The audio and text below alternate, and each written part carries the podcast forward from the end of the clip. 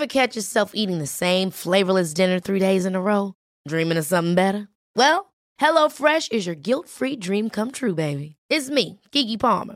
Let's wake up those taste buds with hot, juicy pecan-crusted chicken or garlic butter shrimp scampi. Mm. Hello Fresh. Stop dreaming of all the delicious possibilities and dig in at HelloFresh.com.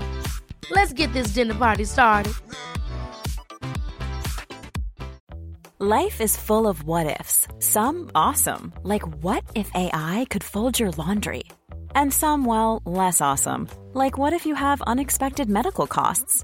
United Healthcare can help get you covered with Health Protector Guard fixed indemnity insurance plans. They supplement your primary plan to help you manage out of pocket costs. No deductibles, no enrollment periods, and especially no more what ifs. Visit uh1.com to find the Health Protector Guard plan for you.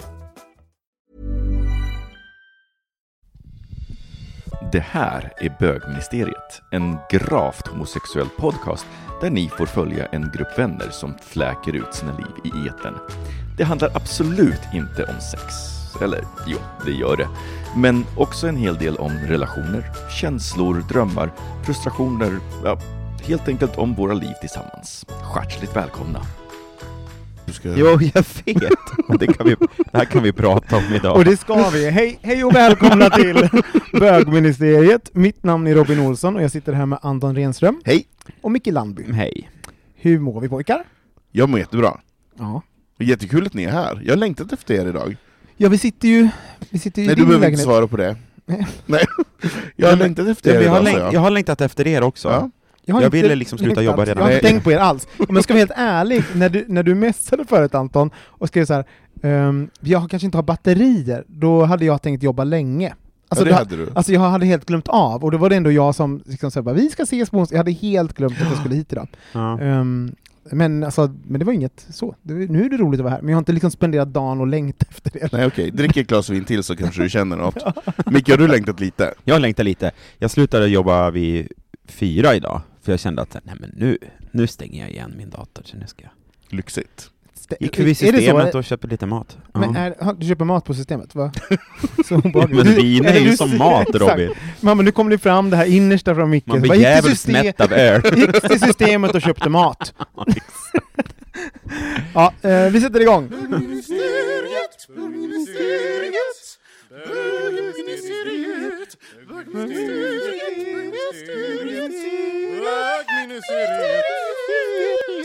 Jag lyssnade på um, En varg söker sin podd, som är en av mina favoritpoddar, och där tog Liv Strömquist upp um, det absurda i att eh, Ellen DeGeneres förväntas vara snäll hela tiden. Mm. Eh, eh, som är så här, typ att, att hon ehm, eh, Eh, att det, det finns en stor, en stor debatt nu om att det är en toxic workplace och det här, det här grundade sig i att eh, Nicky Tutorials var där hos henne, ehm, en sån här youtuber, och sen så hade hon liksom inte, så hade liksom inte ehm, kritiken var Ellen var inte varm så här backstage. Hon Och var typ- inte välkomnande och Nej, eller så inkluderande. att, exakt, inte kramades eller häng, alltså, det fanns liksom någonting, vad men vad är det egentligen?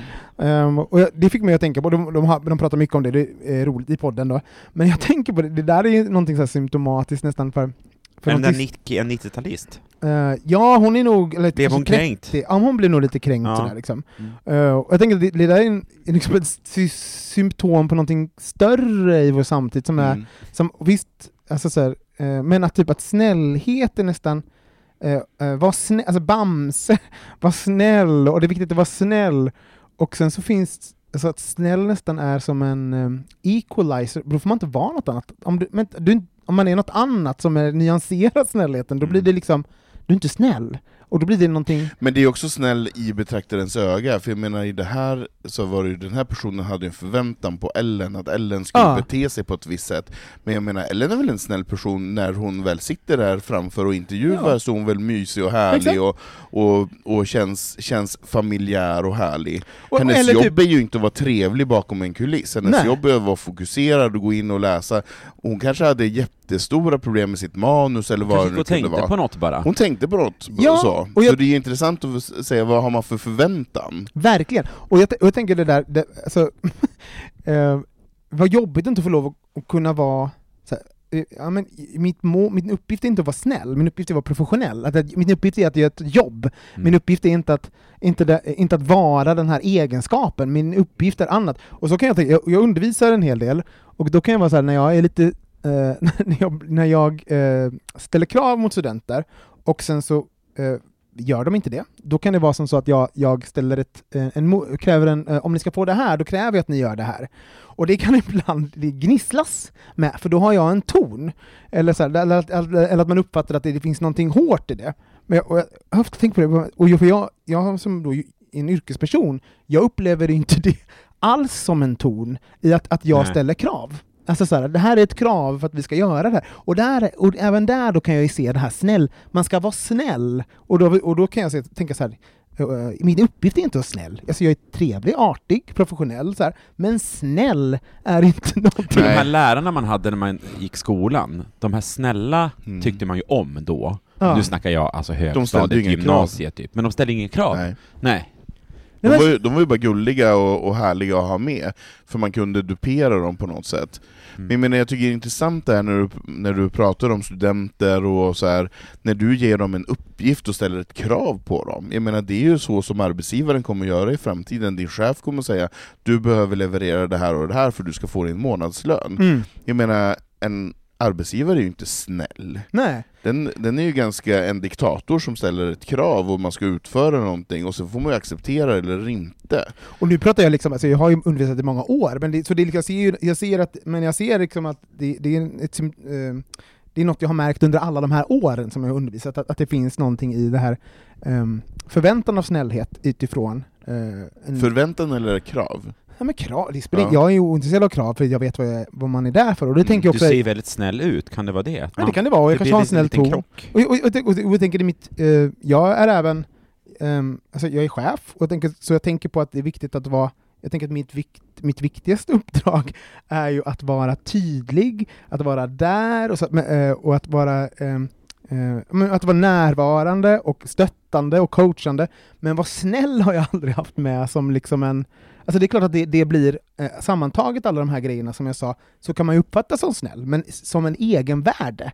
Så, att- så det är min ingång till ett Ja, samtal inte idag. när det Ja. kommer till, till att vara professionell. Nej, exakt. Så jag tänker vi kan prata lite grann om, Mm. om så här snällhet idag, och, vad, och vad, har ni, för- vad har ni för relation till snäll och er själva?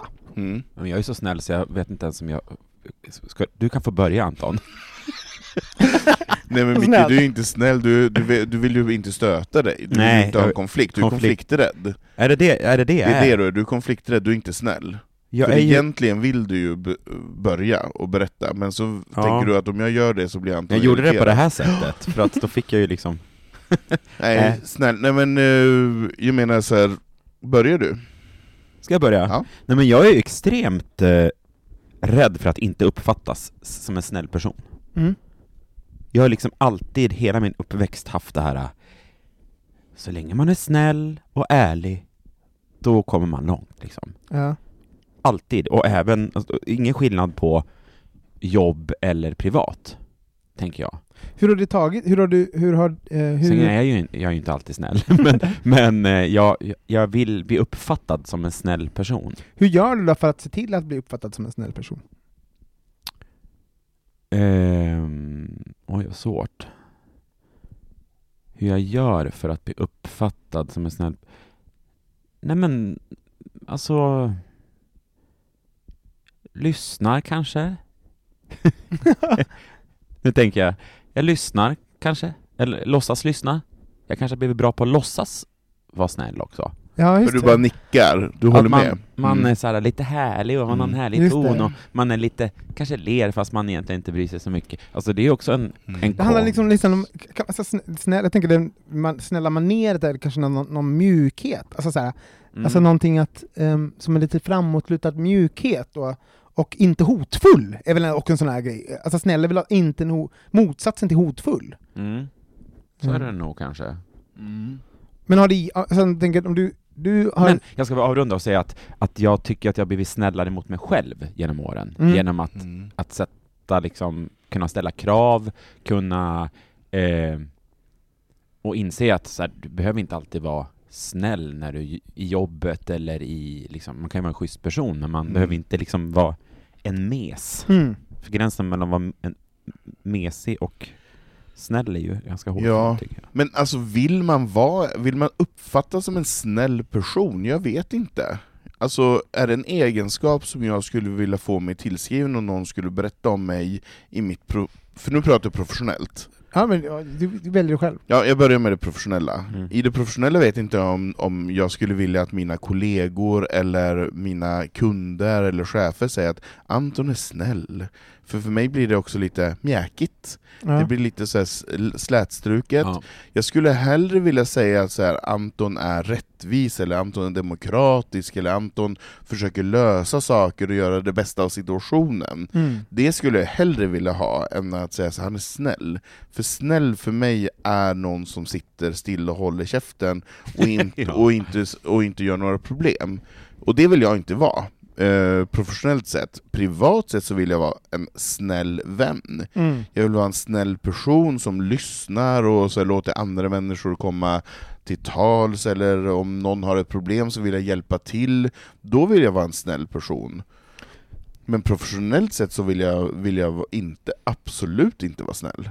Jag, tror att, alltså jag märker nu när vi pratar att jag har en ganska, så här, ganska problematisk inställning. Alltså jag har, tycker inte snäll är någonting bra alls. Alltså jag, men nu för- kände jag också när, jag- Alltså, det- när det jag blir- lyssnade det- på er, så det- blir det såhär, men det är nästan som att- snäll vill man väl inte vara? Det är nästan som att snäll suddar ut, alltså att snäll inte, det finns ingen prestation i snäll, och det finns inget, ehm, det finns inget eh, krav, prestation och inte heller liksom en, en, ehm, en tydlighet, medan liksom uppriktig, um, lojal. Ja. Mm. Eh, Alltså där, där finns det någonting som, som liksom speglar någon form av, av, av liksom vad man kan förvänta sig. Men Ja. snäll är... ehm, En Det, person utan driv. Ja, men det, det gör, ja, verkligen, det platt. ett väldigt passivt Ja, ord. Liksom. passivt. Ja. Och ändå är det så jä... Alltså förlåt, men det, är så, det är sån, finns en sån krav på snällhet idag. Alltså Mm. det, och att, att det är också Mm. någonting som man värderar väldigt högt, och ändå är så jävla luddigt. Men jag tänker Ja. så här, i Ellen-fallet så tänker jag att man kanske har blandat ihop snällhet med artighet. Ja. Och att man då Mm. har en förväntan på någon så att den ska vara artig för att Mm. den är,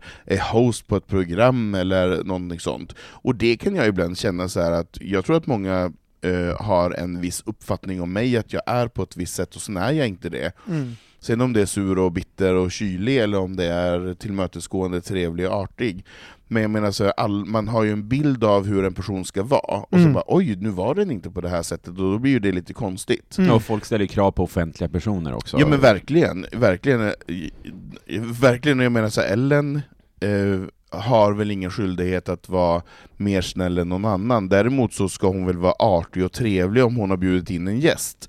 Vilket jag då tänker att hon är under sändningen. Men visst, visst är det roligt att när du skulle beskriva Micke, du bara, du bara du har, spelat- det har varit viktigt för mig genom hela livet att vara snäll. Ja, jag vet, jag och, att- fattar och, inte. och, och, sen, och sen bara, sen så bara, men hur är du då som snäll? Och då kunde inte du beskriva det, så du har spenderat, vi låt oss bara stanna där, du har spenderat ett helt liv, för jag tror det här är väldigt vanligt, du har Ja. spenderat hela livet Ja. med att försöka vara och någonting kämpat, som du, och kan, jag ska inte vara riktigt- snäll, jag ska vara snäll! som du inte riktigt vet vad det är eller hur man gör. Nej. Det, så då, då blir det också fucking godtyckligt. Så att liksom, då kan ju folk gå runt så här. Ellen var inte snäll.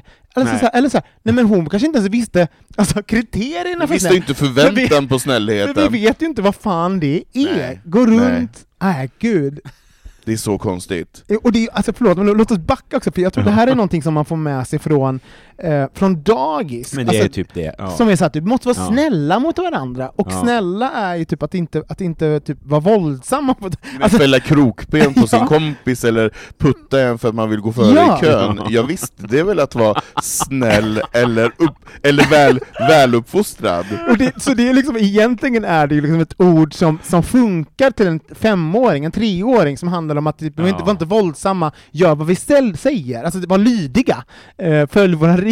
Och sen så följer det med oss upp, och så man laddar man Micke Lambi som Så går runt och, och liksom eh, mjuk, tänk, så här, typ, kanske försöker vara mjuk och alla de här grejerna som, som du då paketerar som snäll, och sen så kommer du sitta med någon Jag är gång också långt ifrån snäll. Och så- alltså jag är ju riktigt jävla Jag undrar, snäll säger du nu att Micke Landby är som en treåring? Är det Nej. det du säger? Nej jag säger bara så, det är så himla misslyckat för att nå- du har nog suttit ganska många gånger där folk inte alls uppfattat dig som snäll. Nej, nej jag vet. Som är för att det är så jävla Nej, jag skulle inte benämna dig som Nej snäll. men jag tycker att jag Nej, jag vet Artig inte. däremot. Jag tycker kanske Alltså att du är välpolerad och du har ju mån... Kåt och... Alltså, Ja, det- allt det där... Nej, men du, du är mån om att göra ett bra intryck. Ja, det är jag verkligen. Det är du väldigt mån om. Så att det är väl det som jag förknippar med eh, ordet snäll då Mm. kanske. Ja. vi, Mm. Ska vi testa lite grann Ja. då? För, vi, vi, eh, om vi bara säger, har ni, har, om jag säger att man ska komma på en, en snäll person, om, kan ni komma på någon som ni, ni uppfattar som snäll? Någon känd,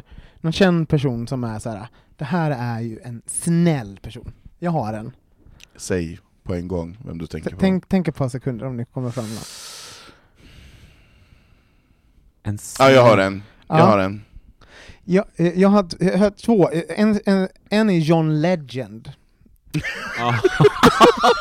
Alltså följer ni hans Insta? Han och positiv, alltså. alltså han känns så jävla snäll. Så här. Och också tänker jag Jessica Almenäs känns snäll. Men hon, kan, hon, men det är så här, men hon känns snäll, jag tänker hennes professionella jag känns Ja, hon har en aura av att vilja vara Exakt, snäll. jag tror, tror ju Jessica Almenäs är En bitch. Nej men, men hon, har säk- hon har nog ett mörker. Så jag tror alla som jobbat med den, den typen av TV har ett mörker.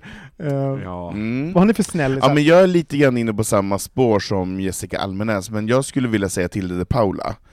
Hon är ju så snäll och gullig. du? Ja, hon är snäll och gullig. Nej! Men jag... Nu, Fräsig ska jag säga! nej, Tilde är inte fräsig. Fräsig! V- vet, ni, vet ni vad jag känner? Lite frireligiöst. ja, Snäll och frireligiös är för mig lite samma. det är lite samma sak. Ja.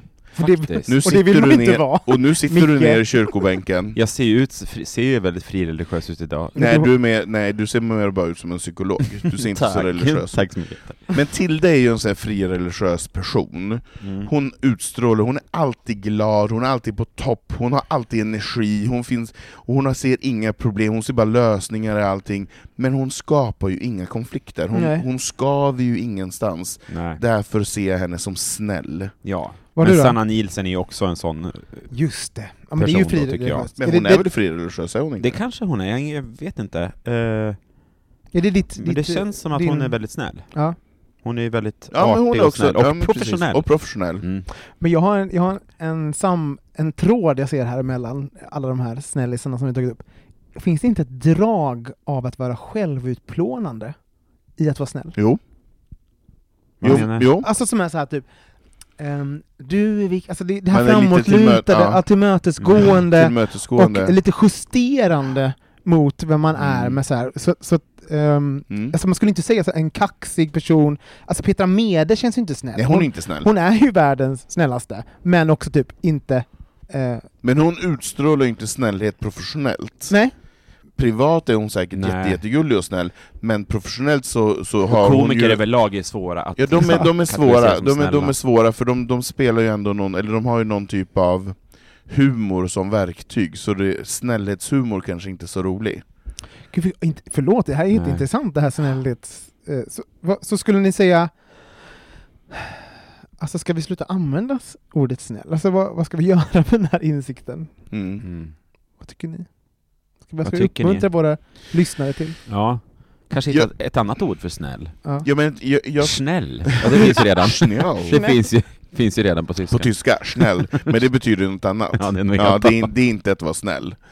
Ehm, Vi kan ju lämna det där. Jag tänker så här, om ni har åsikter kring snäll och vi kanske är helt ute och cyklar, det kanske har ni ett jättebra argument varför alla ska fortsätta titulera sig med den här, det här mjäkiga ordet, det här självutplånande ordet. Så skriv in, vi har nu inte riktigt lyckats hitta det, så hej bogministeriet.se eller så kan ni skriva på våra sociala medier. Vi går vidare.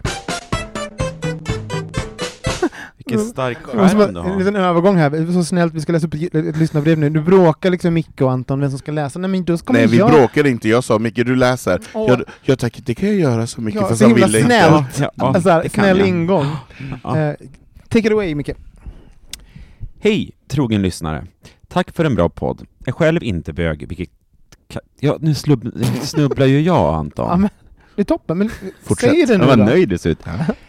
Är själv inte bög, vilket kanske kan vara nä- värt att nämna för att förstå min fundering.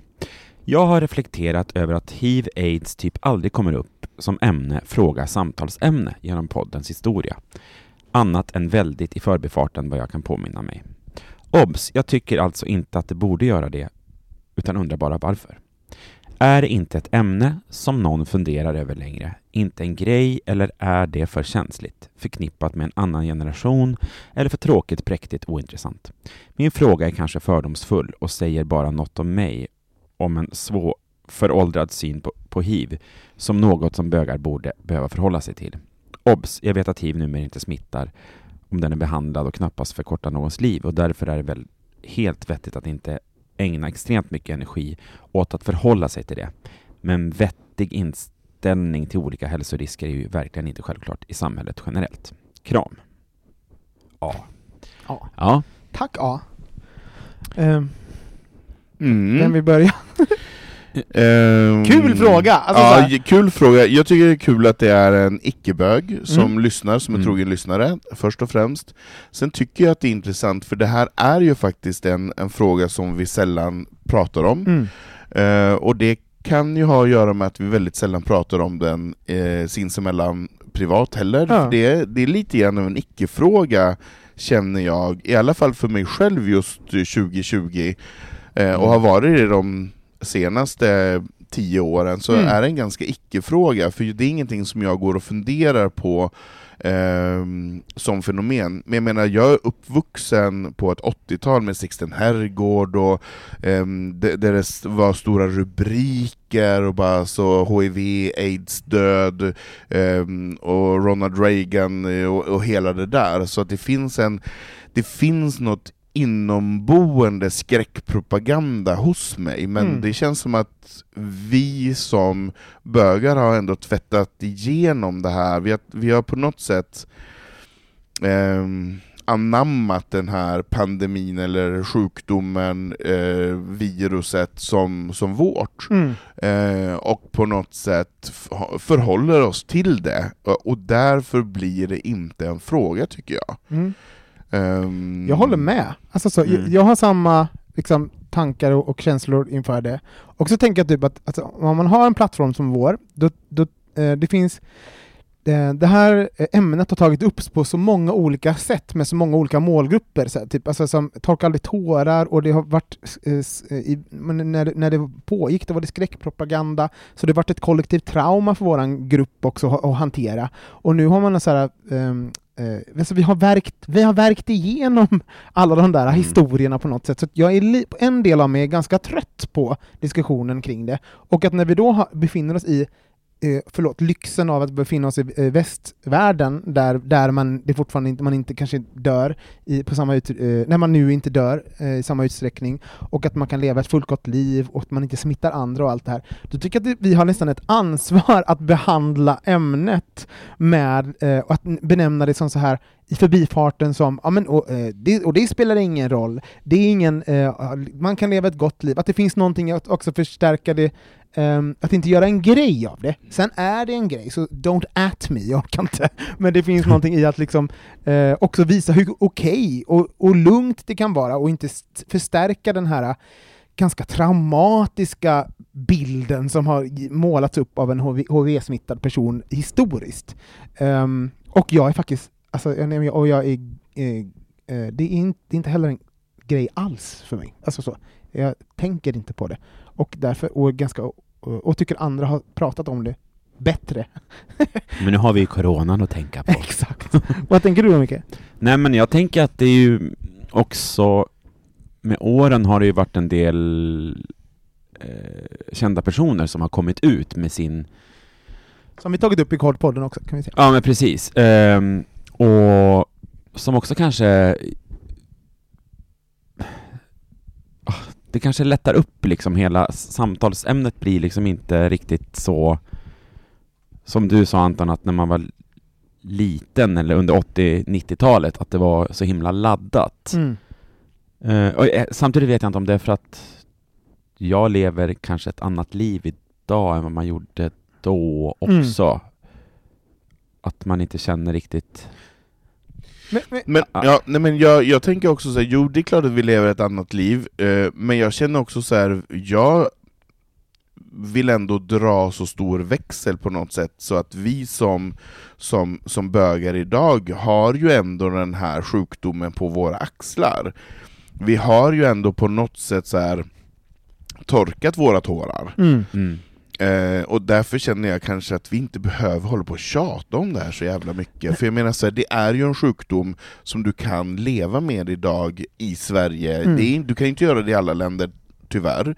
Men i Sverige kan du leva med sjukdomen och fungera normalt, och det är inte, det är inte en dödsdom. Nej. Men jag menar, det var ju mer eller mindre en dödsdom på 80-talet. jag Och menar- 90-talet, stora delar av och, 90-talet. och, och 90 också. Men jag menar, där har vi ju, det, vi har ju passerat det, och jag menar, det, är- det är ju som Robin sa, att det är ett trauma som vi har genomlidit, som jag tror att alla bögar på ett eller annat sätt behöver förhålla sig till. Nej, en sak som jag, som jag nu ska jag säga emot, alltså det här är ju någonting som man Alltså som, jag vet, det, var, det var inne för ett par år sedan att liksom hacka på yngre generationer för att de inte förstod vår historia. Ja, just det. Alltså det, och det gjorde vi det. också, jag tror att Filip satt där och fräste någon gång och, alltså, no, you're, kanske du... de, nej, det, det var Philip som fräste för att Ja. de inte visste vad Stonewall och... Ja, mm. och, allt, och, och, att liksom, och det var, gjordes mycket i, alltså när, när, när sociala medier, när, när, när det, när det använde, an, började användas frivolt, och man uttryckte sig utan att det var genomtänkt, och, alltså, så, då, då, ehm, ehm, då skapades det liksom en diskussion kring att man, då, att man kanske också blottade att man inte visste någonting om, om vissa saker och hade ingen aning, och då, då kanske man såg så här att en viss generation inte kunde allt om Stonewall, eller inte hade Nej. 100% koll på aids-epidemin, eller vad som hände. Och, och, liksom, och det, var något, det fanns en skam i det, ni borde veta bättre, det är vår kollektiva historia. Jag, jag kan också säga, men alltså, jag, på, on one hand, ja, men på andra sättet så här, men fy fan vad gött att ni slipper det, alltså slipper Mm. det där traumat, att det finns generationer som slipper förhålla sig till det här mörkret och även kanske Ja. typ den stigmatiseringen Men som alla tycker inte existerar. att det är intressant att Nej, nej, och- så att liksom Men den här att man måste veta, att vi måste föra vårt trauma vidare, det är väl också så här, nej det är väl gött. Så det är väl också någonting att, att, att eh, använda sig eh, en ton och ett Nej, sätt det- att prata det om det i förbifarten. Det Det håller, jag, det håller jag med om till 100%, att det är jätteskönt att en ny generation eh, bögar får eh, slippa den där ångesten av skräckpropagandan och slippa de här funderingarna och så vidare. Däremot så kan jag hålla med om att man bör veta vilka som har jobbat för våra rättigheter, vad som har gjort att vi kan vara den vi är idag. Det tycker jag är en annan sak. Och jag menar så här, jag menar inte att Sixten Herrgård är ansiktet för HIV och aids. Jag menar han gjorde så mycket mer i sitt liv som är ännu större för oss som homosexuella än att han tyvärr drabbas av en, av en dödlig sjukdom.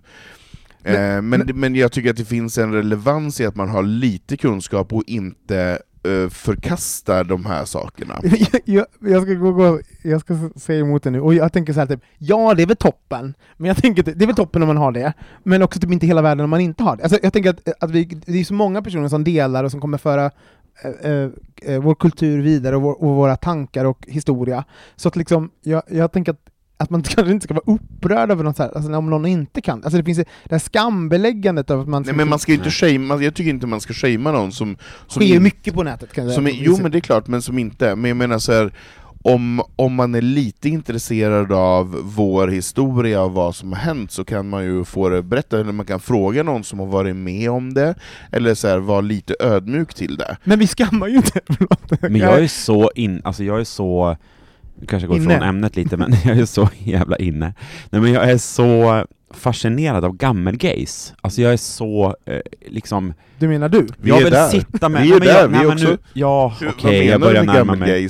Men jag vill sitta med gammelgays och prata om hur det Jonas var Gardell. på 70-80-talet, liksom när de Men Palmer, våran vän, har väl en podd om just exakt det här? Hade Ja. han träffat många? Vad heter den? Que, que, ehm, Queerstory? Någonting. Kan inte, kan inte ni googla på det?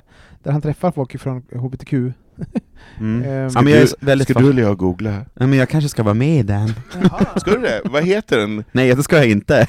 så jag, jag tror du menar att jag är så gammal att jag ska få vara med. Nej, den heter... Queer... Nej.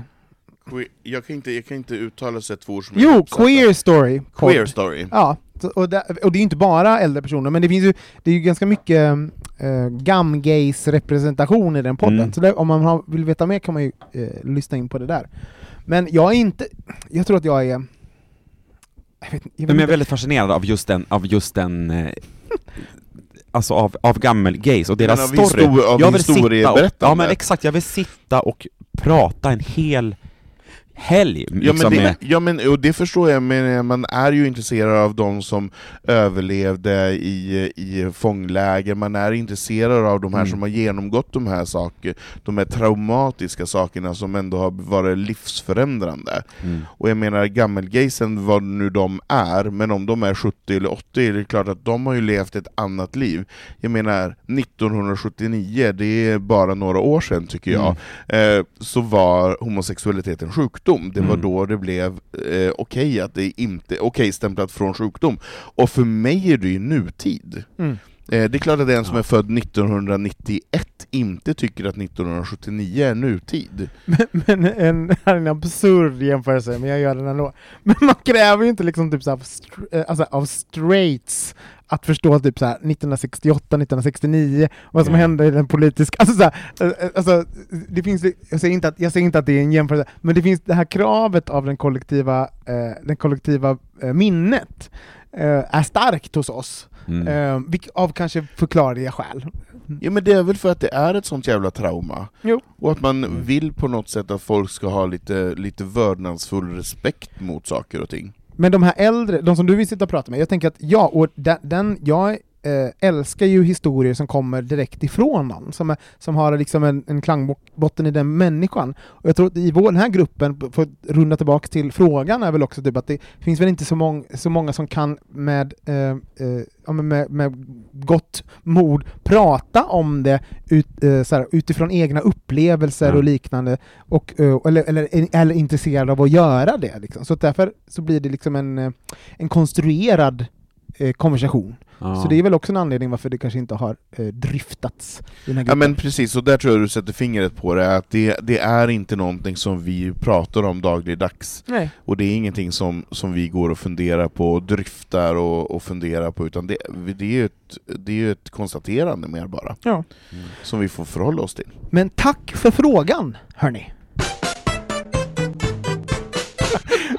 Micke, du berättade så, om du hade ringt upp din pappa och frågat om aids, vad ska vad undrar du då? Ja men vet du, ja men helvete vet du.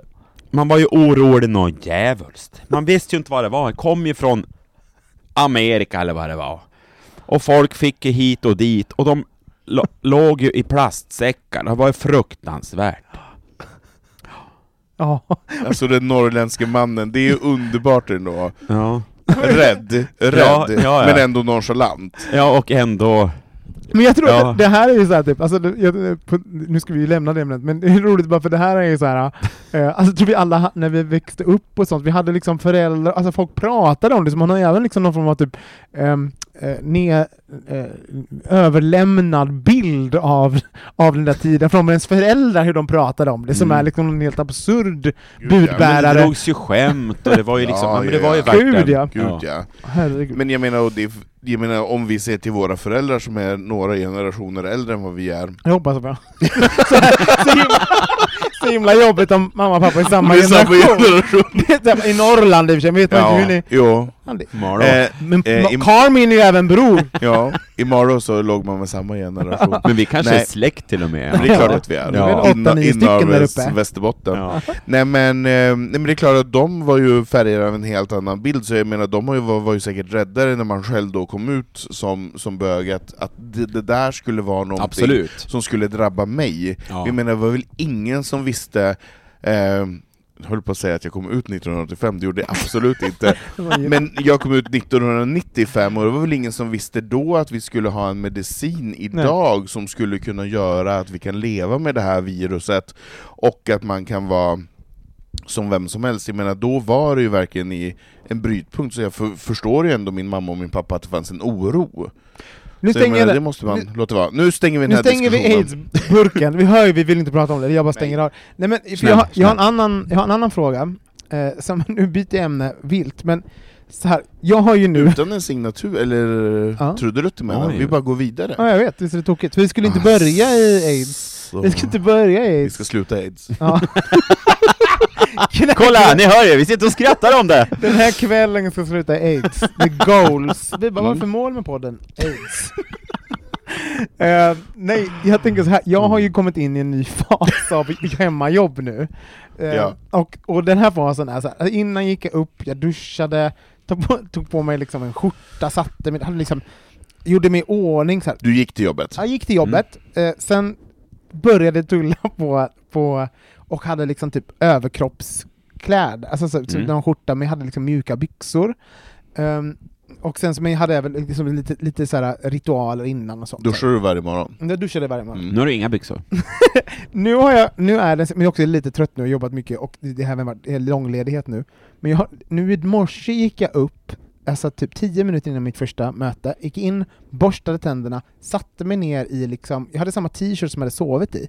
Men, alltså som en, bara en vanlig svart Sover du i t-shirt? Jag gjorde det nu för lite kallt i min Ja, lägenhet. Jag- okej, jag, mm. Vanligtvis inte, jag sover naken. Every, listen Mm. boys. Men det kanske folk har sett på Instagram? Nej men det var lite kallt. Men nu så, här, så jag hade bara en svart t-shirt som jag sov i, så jag satt liksom i den i första mötet, och då när jag har möte, och så, så ser jag liksom i, i min kamera, jag bara, men gud mitt hår! Alltså jag hade inte tittat mig i spegeln. Morgonfrippan? Jag hade morgonfrippan, och det var så uppenbart att jag liksom inte hade... Nu är det väldigt kort hår så att, Ja men det var ändå så här typ att det stod, vet Ja, att ja. man har legat så att det står, det var som att Sida. jag hade någon lugg som jag hade liksom tagit mousse i som stod Mm. rakt upp. Ehm, Kudden låg kvar i ansiktet, Ja. var lite platt och lite ja, det var lite, skrovligt. ovärd, det var lite Ja, ovärdigt. Ja. Eh, och så där är jag nu då, och, så, och nu har jag liksom börjat syna mitt eget beteende, jag måste skärpa till mig för det, det kanske kommer vara det här nu ett tag. Så jag undrar typ, eh, ni, Kanske, nej kan- det är inte kanske. Nej, vi kom- kommer vara vi kommer att vara närmaste året kommer vara fortsatt som vi är tror jag. Ehm, och då undrar jag så här, vad har ni, hur har, hur har, hur har ert eh, arbetsliv, liksom, vad är ni i, i vilket fas är ni nu? Ehm, och har det förändrats? Ehm, kan vi prata om det lite grann så jag slipper äga det här traumat själv? ja, så känna, ja. ja men kör du Anton. Ska jag köra först? Ja. nyfiken. Nej men jag har, ju, jag har ju varit igenom många olika faser under hemmajobbet. Först var jag ju helt, alltså jag var ju, jag var ju så traumatiserad av att behöva vara hemma. Jag förstod inte hur jag skulle kunna klara mig utan mina kollegor, så de första två månaderna så var jag ju bara helt vilsen. Och då gjorde jag ju typ som jag alltid har gjort, stigit upp, eh, borstat tänderna, så här, förhöll mig till att jag gick till jobbet, Ja. var så ordentlig, åt lunch klockan 12, och du vet, allting var så by the book. Mm. Sen insåg jag ju fördelen efter två, två, tre månader, bara, mm, man, man kan ju stiga upp 8.45 Ja, när man börjar jobba 9.00. Ja, behöver inte... Jätteskönt! Så då var det ju så här, stig upp och började jobba, och sen när klockan var halv tolv så bara helvete, jag kanske ska duscha, kanske ska... Du vet, så här, frukosten kunde... Det var upp och ner allting. I den här perioden då jag insåg att jag inte behövde följa några som helst riktlinjer överhuvudtaget, för jag har väldigt, nej men jag har väldigt lite videomöten, Ja. eh, jag har typ en till två gånger i veckan, that's it. Så ingen ser ju vad jag så jag, satt, jag satt ju i pyjamas och morgonrock hela dagarna, Åh, men gud. i det här så slutade jag också gå ut. Just. Kände bara, gud vad skönt, behöver inte gå ut, jag behöver inte träffa en enda människa, man går och Nej. handlar en gång i veckan, that's it. Men det mår man ju inte bra av psykiskt, när man inte är ute och rör på sig. Så, eh, så nu mitt tredje skeende är att jag försöker kombinera sova länge, eh, och inte behöva göra morgontoalett varje, varje morgon. Och med morgontoalett menar jag att jag jag vill ju gärna dra på mig ett ansikte. Jag jobbar med Alla dina hudkräm, sju lager. och mina, Mm. mina ögonkrämer Mm. och mina puder och Mm. så vidare för att jag ska känna mig okej. Eh, men jag har infört motion. Jag är ute och promenerar varje dag. Mm, och du minst. berättade innan vi började podda, hur är det du har gjort? Jag, lu- jag kommit på- lurar mig och gör Ja, ärenden. det där är jävligt smart. Jag ska börja med lurar det. mig att gå till Hornstull två gånger. Just det, du delar upp dina... Jag delar upp ärendet, så jag ska gå en timme varje dag. Du går alltså ut på ärenden. Alltså du, du glömmer liksom med vilje en produkt, så du ska bara ta promenaden igen dagen efter. Oj, Exakt. den var slut Ja. här! Jag måste gå in på Ja, Åh nej, jag köpte inte Nej, men smör, i- bäst jag går imorgon. Nej men i måndags, i måndags var det faktiskt så, jag gick till Hornstull för jag skulle göra två saker, jag skulle gå till Clas Ohlson och jag skulle gå till Granit. Eh, när jag står på Clas Ohlson tänker jag, Nej, jag köper inte den här för jag lämnar den till imorgon. Så jävla smart. Så lurade jag mig själv att gå dit dagen efter, så då fick jag ju så här 40 minuter dit och 40 minuter hem dagen Och efter. Perfekt. shopping-serotoninet sprids ut på två dagar. Och på två dagar, som en dubbellycka. Nej men så jag har förändrat mitt beteende så att nu är jag inne i någon sån här att jag kan sova till kvart i nio, men jag försöker ändå ta hand om mig själv och utnyttja det här lyxen av att vara Ja, hemma. men är det inte så att alla håller på att balansera, försöka balansera upp det där, alltså de som sitter hemma nu och jobbar och Jo. har det som, som vi har det. Eh, men jag slutade på en gång. Alltså, Sluta jag gjorde vad? tvärtom eh, mot för vad, hur du gjorde. Att jag var så här direkt, jag bara, nej. Satte mig i kalsonger, t-shirt, jobba. Och bara, gick inte, duscha inte förrän klockan tre på eftermiddagen. Mm, Satt liksom och längtade efter att, "Mhm, i eftermiddag ska jag få göra med ordning. just det. Typ inför middagen, typ den, Vad var det intressant. omvända blev det. Blev... Men nu har jag börjat så komma igång att jag bara, nej men jag måste kanske ta på mig åtminstone en skjorta eller bara för att få känna att man går in i någon arbetsroll på något sätt. Hur mådde du då? Alltså hur, hur var måendet i de olika faserna? Alltså mår man bättre eller sämre? Ja, men jag mådde alltså, jättebra, men jag tror att det har blivit värre nu när det har gått rätt lång tid. Och jag inser att jag måste gå ut på promenader för Mm. att jag blir galen på att bara vara hemma. Ja. Men tränar inte du väldigt mycket där i början också? Jo, men vi behöver inte prata om det. Nej. Men, men för, för, för det här har jag, en spaning är väl typ såhär, alltså, som också, för nu, jag har ju känt skam över då de senaste, alltså det här, det här nya beteendet har jag kanske hållit på med i två veckor, det har inte varit så lång tid. Eh, och det var när efter att jag kom hem från Skåne, jag var i Skåne i tre veckor eller någonting, och då, och då var det men liksom friluftsliv själv i en stuga ute i Skå, skånska landsbygden, så kom jag upp och det hade liksom kommit in i någon form av rutt, så att jag kunde inte liksom återgå till min professionella jag. Men, och sen så började jag känna skam för det. Men jag inser ju det här, om det här ska vara det nya normala, då kan vi inte leka kontor som det varit innan, utan då måste vi också typ se fördelarna. Och en fördel jag har upptäckt nu, och det här är ett tips till alla, det är att man kan, man kan gå upp lite senare, alltså, men kanske inte så sent som jag gjorde nu, men det, det är helt okej att göra det, och ganska snabbt hamna i arbetet. Sen tar jag fucking duschen vid lunch, Ja. och det är det bästa, för då går man ju ut, för det är ju den värsta tiden, du vet 1 till 16, för då är man så Ja. jävla trött. Nej, Mm. tar man en jävla dusch däremellan, Mm. då har man ju vaknat till liv. Jag är så framåtlutad så jag ramlat sen ur stolen när jag har, när jag har duschat ute. Alltså det är så jävla bra! Ta morgonduschen i lunchen, och, och, Lunchdusch. lunchdusch och piffa och vara lite skönt, och så kommer man ur och man bara Och som hunnit veta av det där, eh, de här jobbiga mejlen och det där innan lunch. Då blir det så här, nu är, då är Och det då- andra Ja, och då blir det så här, typ, jag bara, men nu Mm. ska vi ju fan, nu ska vi ju optimera att jobba hemma och få, och, och liksom att det här gött, alltså låt oss mjölka det göttiga och typ, eh, ja men typ Jag får så fördelarna. mycket bilder nu. Men jag kan ju ska sit- mjölka det Jag kan ju göttiga och sitta till... jag kan ju sitta till halv åtta på kvällarna också utan problem och bara så här. Nej men jag tog en lite längre promenad mitt under dagen och så Ja. sitter jag längre på kvällarna Ja. och känner så här, det är helt, det är helt fine. Jag älskar det. Jag får gå in och sitta på kontor om jag vill, men jag väljer att jag är mer effektiv hemma faktiskt. Men vem är inte mer effektiv hemma?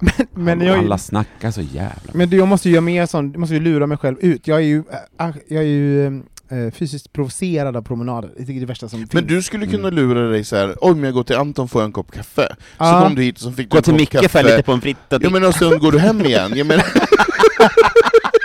Nej men vi sa det! Alltså de här promenaderna, jag, jag har sånt himla starkt alltså belöningssystem, så att när jag, jag kan inte gå på en promenad, jag kan inte ta mig, alltså går jag till Gamla stan, då ser jag ju, alltså jag ser ju mys i varje, men gud vad trevligt en öl där, eller åh, Fast jag det kan var länge som man ja, det var var länge sedan. Ja men gud vad är det för Men någon? du är ju en livsnjutare. Jag är en livsnjutare, så jag kan inte gå på promenad utan att ta en Nej. öl någonstans, alltså det är ju helt absurt.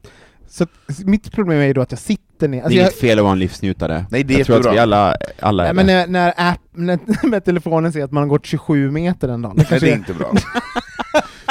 det kanske Men är du är problem. snäll. Jag är, jag är väldigt snäll. Men då gick du på toa, och så glömde du telefonen på toa. Så att det är egentligen... Exakt! Ja, det kan ha varit... Ever catch yourself eating the same flavorless dinner three days in a row? Dreaming of something better? Well, HelloFresh is your guilt-free dream come true, baby. It's me, Gigi Palmer. Let's wake up those taste buds with hot, juicy pecan-crusted chicken or garlic butter shrimp scampi. Mm. Hello Fresh. Stop dreaming of all the delicious possibilities and dig in at HelloFresh.com. Let's get this dinner party started.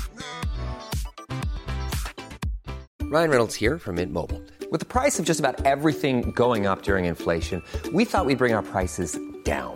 So to help us, we brought in a reverse auctioneer, which is apparently a thing. Mint Mobile unlimited premium wireless. Ready to get 30, 30, bit to get 30, bit to get 20, 20, 20, bit to get 20, 20, bit to get 15, 15, 15, 15 just 15 bucks a month. So, Give it a try at mintmobile.com slash switch. $45 upfront for three months plus taxes and fees. Promo rate for new customers for limited time. Unlimited more than 40 gigabytes per month. Slows. Full terms at mintmobile.com. One size fits all seems like a good idea for clothes until you try them on. Same goes for healthcare. That's why United Healthcare offers flexible, budget friendly coverage for medical, vision, dental, and more. Learn more at uh1.com. Fler meter. Ja. Halloj! Då har vi ju nya grej, istället för fag eller gag, eh, så har vi ju veckans hang-up. Mm. En, någon sak eller något fenomen eller någonting som vi har fått insupit och som vi bara inte kan sudda bort från oss, som är med oss under en längre period. Mm. Robin, ska du berätta först vad som har varit din hang-up? Absolut. Jag har ju eh, inte kunnat släppa den här veckan att det är väldigt billigt pris på räkor. alltså, jag har varit inne på Kommer från Göteborg! på samtliga affärer på söder om Söder och, och letat efter liksom så här, tittat på så här billiga räk, alltså jag älskar rökt, alla räkor gillar jag, rökta och vanliga och allting. Och det är ju nu, nu ligger ju priset, alltså det kommer ju upp mot 400 spänn kilot, nu är det nere på typ 100 kronor Varför är det så kilot. billigt? För att det är den tiden, alltså de, de är inte, det är inte så mycket rom i dem, och eh, rom heter det, um, och så vidare. Så, och, så, Det är Rom, inte Rom. rom, rom. Rom, Rom, heter det. Ja, Rom, det är ju en stad, det Rom är ligger i Italien. Italien. Ja, så jag vet inte varför det är så billigt, men i alla fall, men då blir jag ju också, när någonting blir billigt, då ska jag ju hitta det billigaste. Och för jag vill ju fynda. Ehm, men, Men, Men där har du ju en då. promenad, eh, anledning till att gå runt och, och Du gör en marknadsundersökning ja men vad Ja. smart. och går men, runt och men tittar. då, då måste jag ju berätta då, när jag, så, så, liksom, så jag har ju spenderat en vecka att, liksom bara, typ, att sondera räk, räks eh, Stockholm. och liksom så här, och så har jag inte köpt något, jag bara tittar på olika räkor och sånt. Så här. Och sen så blev jag lite full i, vad kan det varit? Ja, men, par dagar sedan. I måndags! Eh, alltså, så här, och då hade, satt jag och jobbade på en bar med en kompis, och sen så, eh, och sen så skulle jag åka hem vid typ så kvart i nio. Ja men då fylle köpte jag räkor vet ni. På, jag förbi Ica, köpte 750 gram rökta räkor, aioli, gick det. hem och åt liksom en sen supé med Ja. mig själv. Ja. Där jag tryckte i mig 700, alltså det var, jag tänkte det här kommer jag aldrig få i mig. Jo då, det var ingenting. Det var som att min kropp liksom hade, hade liksom anpassat sig för någon form av räkkonsumtion. Så jag det hade fanns kunnat, plats för räkorna. ja, jag hade Mm. kunnat äta, äta typ Du 750 gram fyllde till. åt räkor Ja, det var som min kropp hade liksom gjort, det var som att olika fickor bildades i min kropp för att eh, tillhanda ha de här räkorna i mig. Det var helt magiskt. Så, så min, det jag inte kunnat släppa är dels räkor men även vardagsunn. Ja, vet du, det gjorde jag faktiskt igår med räkor, köpte så här små räkbakelser på Mm. Hemköp. De hade för 39,90, Sluta. eller 5, Alltså, det är 39,90. ju porr. Ah, och jag bara, alltså, Jag köper en flaska rött, Nej. och, så kö- och en Rött? flaska vitt. Rött? Och, jo, jag köpte både rött och vitt, Ja. för jag skulle köpa jämte grannen som vi hade lånat vin av. Vi kom på lördag klockan 17 att Ja. helvete. Ja. Ja, så då köpte jag en flaska rött och en flaska vitt, och så två sådana där räkbakelser, och kom hem. Unnet. Mm. Gud. Moffa i sig. Det, på en tisdag. Jag tror att den nya unningsdagen är en tisdag. Ja. Nej, men, och min var i måndag. Ja, Jag satt och perfekt. tryckte i mig räkor för mig själv framför, och kollade på så här Arrow. Men räkor är ju... vä- Men Robin Rack... r- Räkor... Robin Rack! Robin Rack! Istället för Robin Rass. Ja. Robin Rack. Nej men du... Förlåt. Så tagen av din egen ordlek. Du kan prata.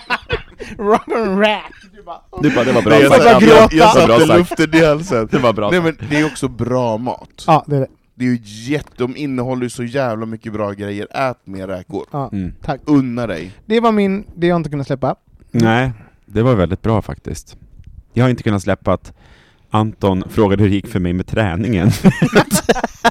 Nej men jag kom igång där i januari och typ februari och var så jävla duktig och gick och boxades och spinning. Manisk. Ja, manisk. Du drack ju inte alkohol heller. Drack ingen alkohol Nej. och var ju bara såhär mitt nya liv, jag älskar det, woho! Jag träffade dig utanför min dåvarande port i Hornstull, Ja. och du, du var så jävla frireligiös över den här känslan av att inte dricka alkohol. Och det här var ju typ i slutet på januari, så det Ja. var ju fyra veckor, och du var ju Mm. helt hög på träningen.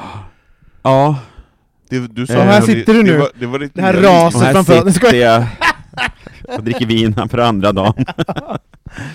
Nej men alltså det där är ju så jävla intressant, varför man inte kan hålla igång någonting man börjar med, framförallt när det gäller träning. Men Jag det var ju en hang-up det var för dig kul. då. Det var, träningen var ju en hang-up för dig då, den, Ja, den perioden. ja, och nu har jag hängt upp mig på varför jag slutade med det. För Varför att, trodde du det hände så då? Varför blev det så? Nej, men jag träffade ju en kille och blev ju lite sambo och sådär. Jag tror att jag skyller på det. Nej men jag tyckte ju faktiskt att det var jävligt kul. Jag måste bara hitta tillbaks till det. Vad var det du Jag tränade? kan inte liksom? skylla Vad- på någon vad- corona eller någonting. Spinning eller vad, vad var det du... Det var spinning och boxning och gympa på Friskis och det var liksom allt möjligt. Jag tyckte att det var svinkul ja. och kände såhär. Vad är, det, är det Friskis du går på? Ja. Vi kanske ska träna tillsammans?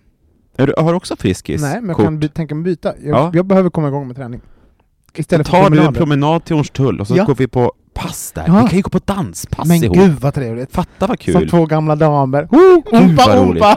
Du, jag gick på något danspass där en gång och det var ju liksom alltid samma folk. Ja. Men får man, får man dricka vin efter?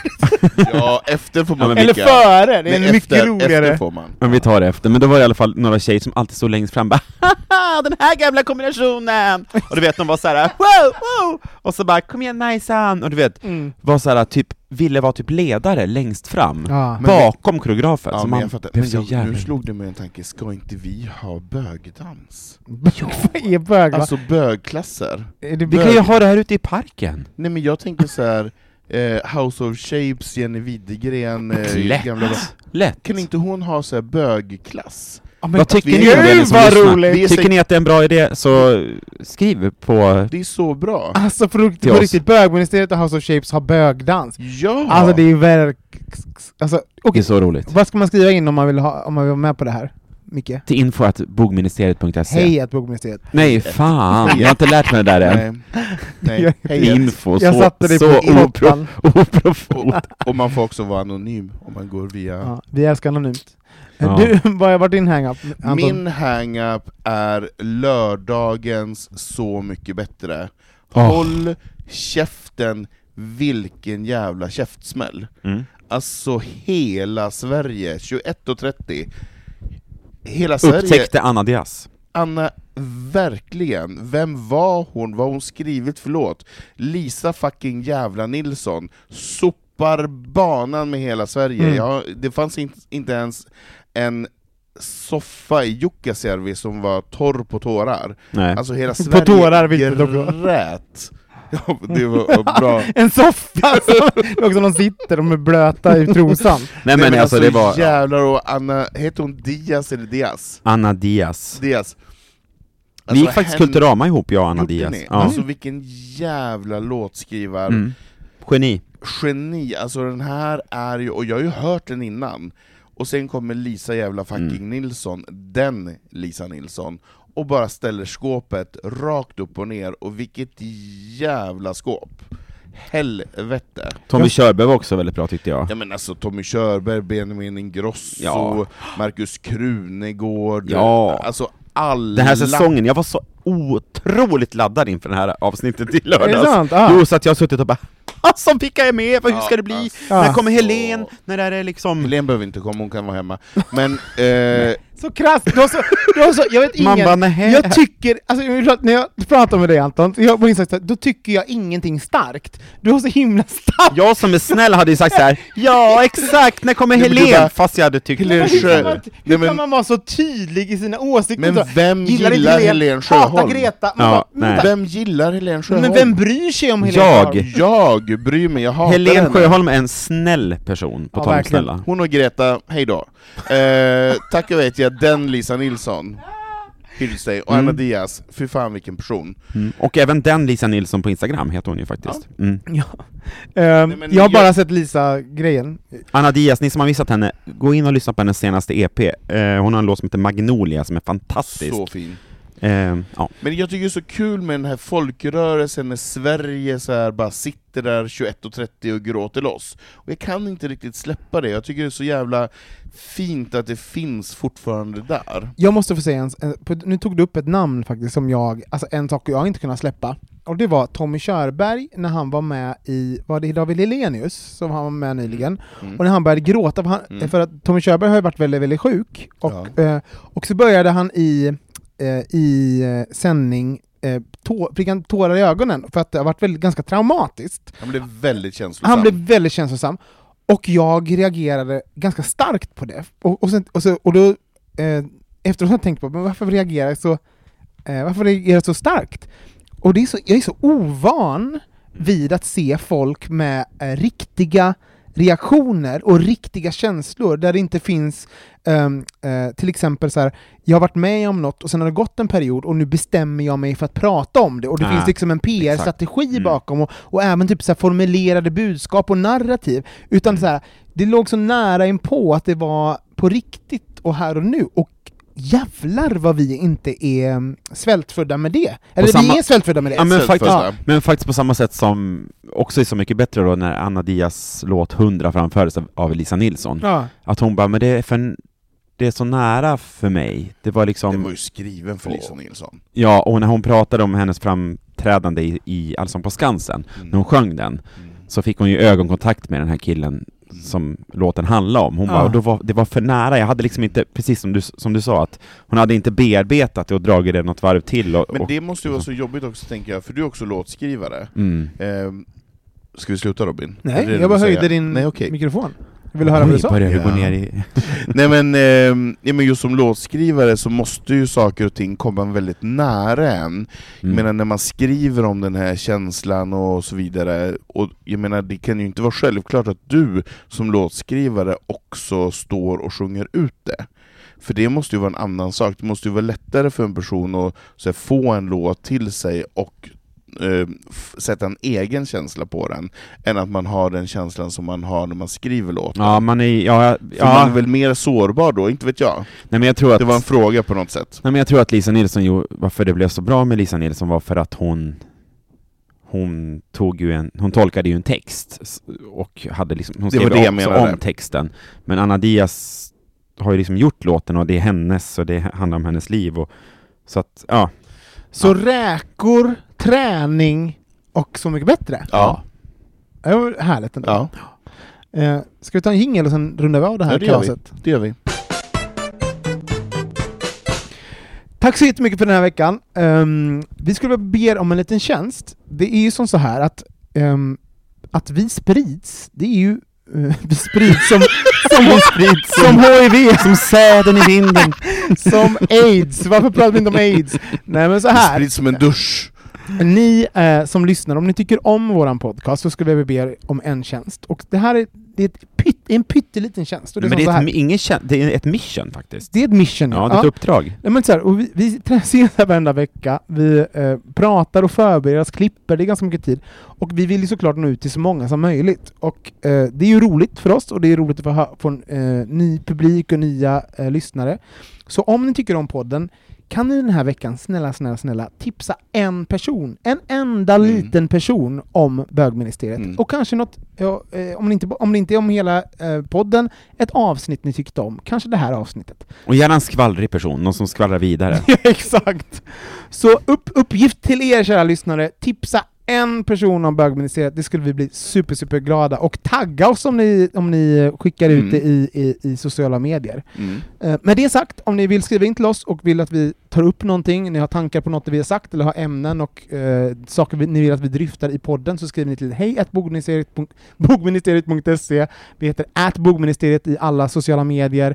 Eh, Anton hittar ni på, Anton Renström. Micke hittar ni på, Mikael Landby. och jag heter at Olsson Robin. Vi hörs igen nästa vecka. Hej! Hej!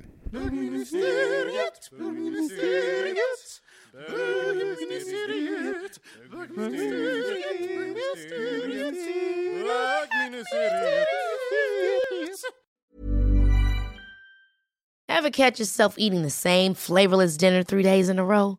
Dreaming of something better? Well, HelloFresh is your guilt-free dream come true, baby. It's me, Kiki Palmer. Let's wake up those taste buds with hot, juicy pecan-crusted chicken or garlic butter shrimp scampi. Mm. Hello Fresh. Stop dreaming of all the delicious possibilities and dig in at HelloFresh.com. Let's get this dinner party started.